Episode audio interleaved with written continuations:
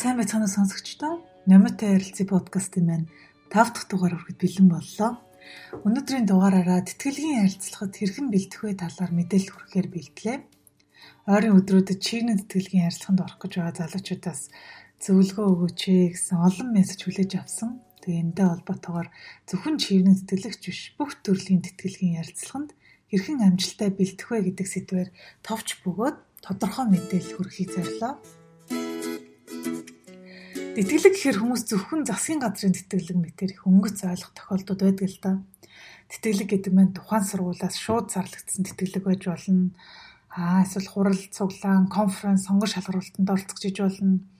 За эсвэл бүр fellowship хөтөлбөрүүдэд оролцох гэж байж болно. Тэгэхээр энэ дугаараараа бүх төрлийн тэтгэлэг болон бусад хөтөлбөрийн сонгон шалгаруултны ярилцлага хэсэгт хэрхэн амжилттай оролцох вэ гэдэг сэдвээр зөвлөгөө өгөхийг зорилоо.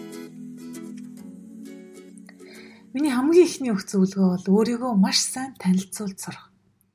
Ямар ч төрлийн тэтгэлгийн ярилцлаганд орсон өөрийнхөө тухай танилцуулаач буюу tell me about yourself гэж хамгийн түрүүнд асуудаг. Тэгэхээр энэ асуултад яаж хариулах нь маш чухал ач холбогдолтой. Анхны сэтгэл ерөөсөө л энэ асуултаас л эхэлдэг.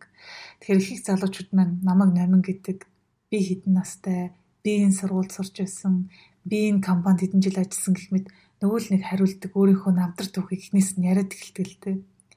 Энэ нь бол яг буруу зүйл биш л дээ.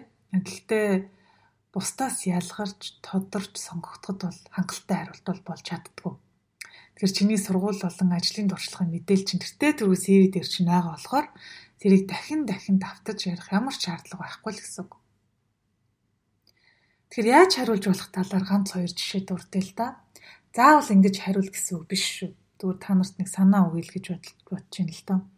За жишээ нь надад боломж олгож ярьсанд урьсан маш их баярлалаа. Миний хувьд багасаа сэтгэл зүйн чиглэл сонирхолтой байсан ч яг тэр чиглэлээрээ сурах ажиллах боломж болцоо тухайн үед бүрдээгүү. Аа тэгээд ажлын туршлагын хувьд бол шууд сэтгэл зүйн чиглэлд хамаарахгүй ч гэсэн хүмүүстэй өдөр тутамдаа тулж ажилладаг хүний нөөцийн салбарт ажиллах нь илүү дээр юм а гэж үзээд Тэгээ тэндээс ажлын гараагаа эхэлчихсэн. Тийм ч учраас сүүлийн 2 жилийн хугацаанд энэ чиглэлээр сурнаа гэж өөртөө зорилт тавиад тэгээ тэтгэлэгт материал явуулах хүртэл өөрийгөө бэлдсэн. За энэ бол энгийн жишээ.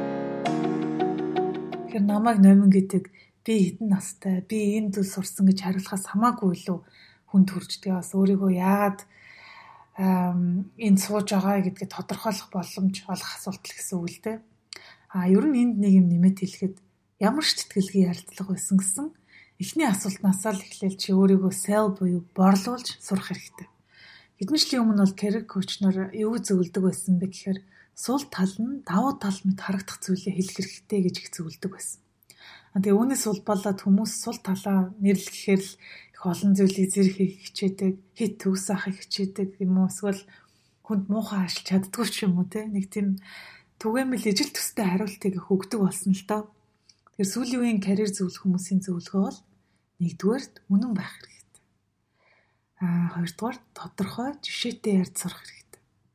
Аа гуравдугаарт алдаанаасаа юу сурсан бэ гэдгээ заавал дурдж үргэлж эрэг байдлаар асуултаа төгсгөж сурах хэрэгтэй гэдэг зөвлөгөөнүүдийг өгч байгаа.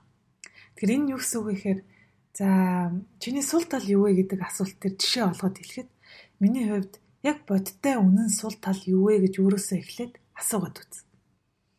Хит шулуун шудраг хүн болчихно гэд би их нойрмог ажлаа таслаад унтчихдаг ч юм уу эсвэл би их ууртаа уураа өрүүл яач магадгүй ч гэдэм үү хит нээлттэй цензүүргүй ярьж бол болохгүй л дээ. А хамгийн эхлээд өөрийн сул талаа жагсаагаад бич гэж зөвлөмөр байна. А тэгээд дараа нь чиний хувьд нээлттэйгээр илэрхийлэхэд тохиромжтой ямар сул тал байна гэдгээ ол За жишээ татхад нэг зүйлдээ удаан төвлөрч чаддгүй байж болно те сул тал нь. А тэгвэл тэрийг их зөвөр илэрхийлж ойлгох хэрэгтэй болж штэ. Тэгэхээр жишээлбэл миний хувьд нэг зүйлээ маш удаан хугацаагаар төвлөрч хийх талдаа таарахын гэж өөрийгөө дүгндэг. Тэг хамгийн сүүл тохиолдсон жишээ жишээ жишээгээ хуваалцахад бол 4-5 цаг нэг дор сууж суух хэрэгтэй тийм ажил оногдсон. Тэгээд миний хувьд бол маш хэцүү байсан. Тэг үүнээс хойш нэг доор анхаарлаа төвлөрүүлж сурах хэрэгтэй гэдгээ бүр их сайн ойлгосон. Тэгээд үн дээрээ үндэслээд өөртөө дүгнэлт хийгээд одоо удаан хугацаанд сууж сурах тасгал болон бусад арга техникийг өөртөө хэвшүүлж байгаа. За сонсогч маань ойлгомжтой байгаа л гэж найдаж байна. Тэр өөрийнхөө дутагдлыг үнэн зөвөөр тодорхой жишээтэй илэрхийлж зогсохгүй тэр алдаа дутагдлаа хэрхэн олж харсан. А тэгээ түүнийгээ засахын төлөө юу хийж байгаагаа дурдсанараа илүү бодтой амьд харилцаа үүсгэж тус болдог.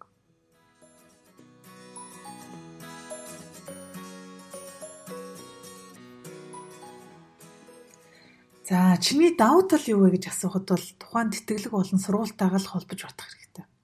Тэгэхээр санхүүгийн чиглэлээр магистрийн тэтгэлэгтэй авах гэж байгаа бол би одоо хүн тусрах уу ч юм уу те эсвэл хоорондоо ямар ч уялдаа холбоогүй зүйлийг хэлэхгүй байсан зүгээр. Магадгүй би ямар нэгэн зүйлийг детальчиж өргөн том зургаар харахыг хичээдэг юм ч юм уу. За эсвэл одоо тийм учраас би энэ мэрэгчлэрээ төгсөж ирээд ус орондоо ийм өөрчлөлт авчирна гэж зорддог гэдэг ч юм уу. Тэгэхээр чиний хэлж байгаа бүх үг өгүүлбэр чамайг бусад өрсөлдөгчөөс чинь онцгойруулж таниулах үүрэгтэй гэдгийг санах хэрэгтэй.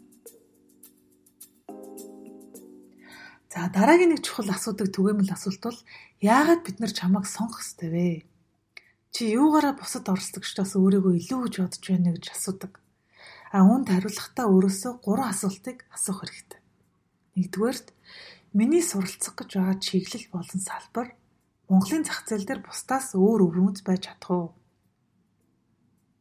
Хоёрдугаарт чи хүссэн мэрэгчлэрээ сурсныхаа дараа эх орондоо ямар өөрчлөлт шинжилт бүтээн байгуулалтыг хийж чадах вэ?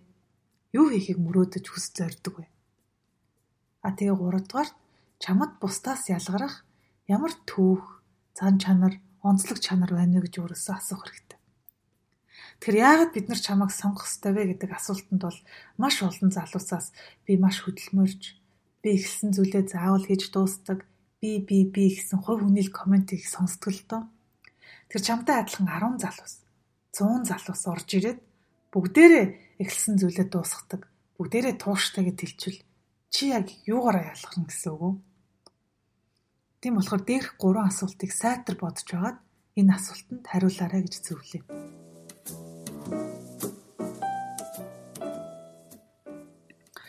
За, ирэх 5-10 жилд ирээдүгөө яаж харж байна вэ гэдэг асуултууд их байдаг.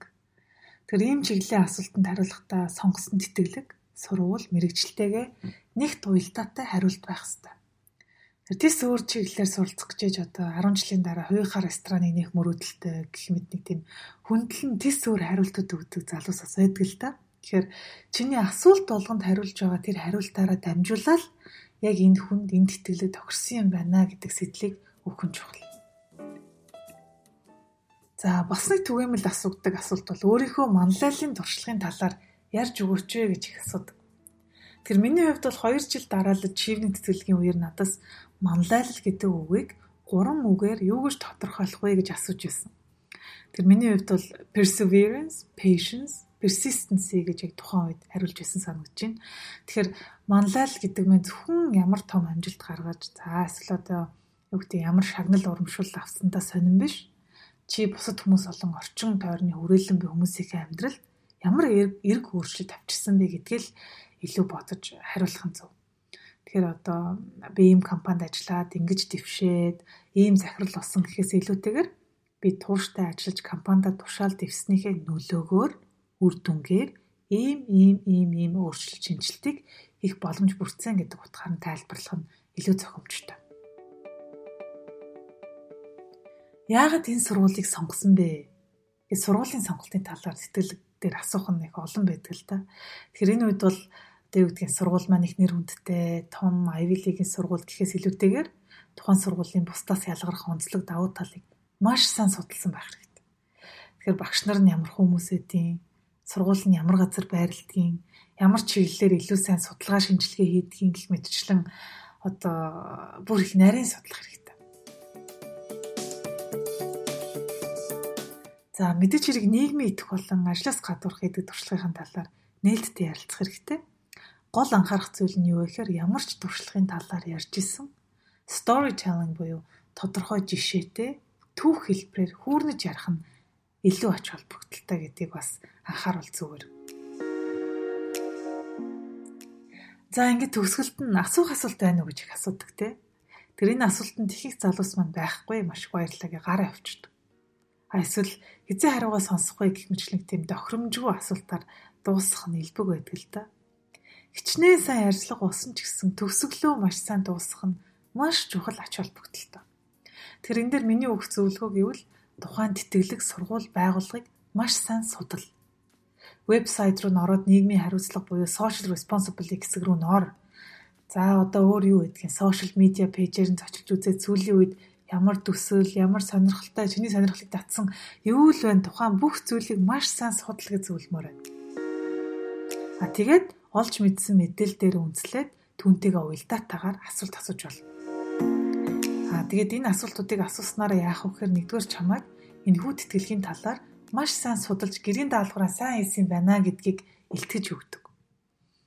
А нөгөөтэйгөр сүүлийн асуултын хувьд бол үнэхээр сонирхол татж байгаа тэр э, чиний зүгээс мэдхийг хүсэж байгаа тэр асуултыг асуухад хамгийн боломжтой алтан боломж гэсэн Тэр хэрвээ чи одоо тухайн сургууль тэтгэлгийн талаар нэг мэдээлэл авах гот ч юм уу асуулт асуух гот магадгүй онлайнаар ч юм уу интернетээр олж уншиж чадаагүй асуулт байх юм бол this is your chance. Боломжоо ашиглах хэрэгтэй.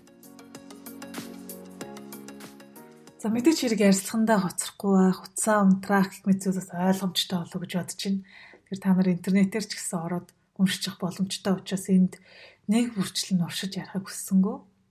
Тэгэд нэмээд нэг зүйл захид хит удаан буюу эсвэл хит хурдан ярихгүй байхыг хичээгээрэй сандраад их хурдан яриад байвал тэр даруйда зогсоод поз авах хэрэгтэй. Түр яриха болоод ярьслага авч байгаа хүмүүсийнхээ нүд рүү хараад тэгээд дотроо 1 2 тэгээд үргэлжлүүлээд яриарай. Аа зөвхөн зөв позон буюу завсарлага авч сурах нь л одоо ярилцлага авч байгаа хүндээ гүн сэтгэл төрүүлж чамайг илүү өөртөө ихтэй илүү хүмүүстэй холбогдсон их сайн харилцагч шиг харагдулдаг. Тэгэхээр маш хурдан асуултанд хариулаад маш хурдан хариултыг өгөх гэж ярихыг яарах ерөөсөө хэрэг байхгүй. Хамгийн гол нь тухайн хүмүүс сэтгэл төрүүлэх хэрэгтэй тийм. Аа ямар ч асуулт асуусан бай 2-оос дээш минут хариулах шаардлагагүй. Хитрхи удах тусам нуршуу ойлгомжгүй болж эхэлдэг. Хичнээн сайхан сэдв яриад, хичнээн гоёор яриад хит удаан нуршиж ярих юм бол ямар ч хүний залах үрд. Тэгэхээр ярилцлагын үед бол ярьцлага авч буй хүмүүсийнхээ одоо нүд рүү харц сурах хэрэгтэй. Eye contact гэж ярьдаг шүү дээ. Тэгэхээр зөвхөн өөрөөс нь асуусан л хүн рүү харж ярьсаар байгаа дуусгадаг хүмүүс байдаг л та. Тэгэхээр аль болох хүн болгон руу нь хараад ярих хичээх хэрэгтэй. Аа яг ярилцлаганд орох үедээ олж ер нь одоо цүнх те гар утас одоо барьж байгаа тоор дэвтэр ном юу гэдгийг бүгдийг орхиод оруулах зүгээр. Яа тэгэхээр зарим хүмүүс сандраад Тэгээ орсны дараа цүнхээ унгах, the clumsy гэж ярьдаг шүү дээ, тэ. Уймрах, утсан дуурах гэх мэтчлэн маш олон үйлдэлүүд гарах нь илбэг байдаг. Тэгэхээр болж игэл ямар ч distraction буюу садаа болох зүйлгүйгээр яг тухайн ярьцлагынхаа өрөөнд оруулах зүгээр. За ингээд тэтгэлгийн ярилцлагыг хэрхэн амжилттай давах вэ сэдвтэй энэ удаагийн товчхон подкаст маань энд хүрээ дуусчихна. Хэрвээ та бүхэн удахгүй ямар нэгэн тэтгэлгийн ярилцлаганд орох гэж байгаа бол энэхүү зөвлөгөөнүүд маань баг ч гэсэн хэрэг болсон болов уу гэж найдаж байна. Catching up with Nami podcast-ыг iTunes, M+, Spotify, YouTube, SoundCloud гэх мэт олон платформ дээр сонсох боломжтой. Тэг өнөөдрийн хувьд бас миний хоолой өвдөд та нарт бас сонсгож байгаа хэцүү байсан болов уучлаарай. Тэгээд энэ хүү подкастыг маань цааш нь хэрэгтэй хүмүүст нь шеэрлэж түгэж өгөөрэй гэж бас хүсэж байна. Тэгээд дараагийн подкастаар ямар мэдээлэл амаар байгаагаа нээлттэйгээр бичээрэй. Ингээд дараагийн дугаараар эргээд уулзъя. Бүх сонсогчдоо амжилт хүсье.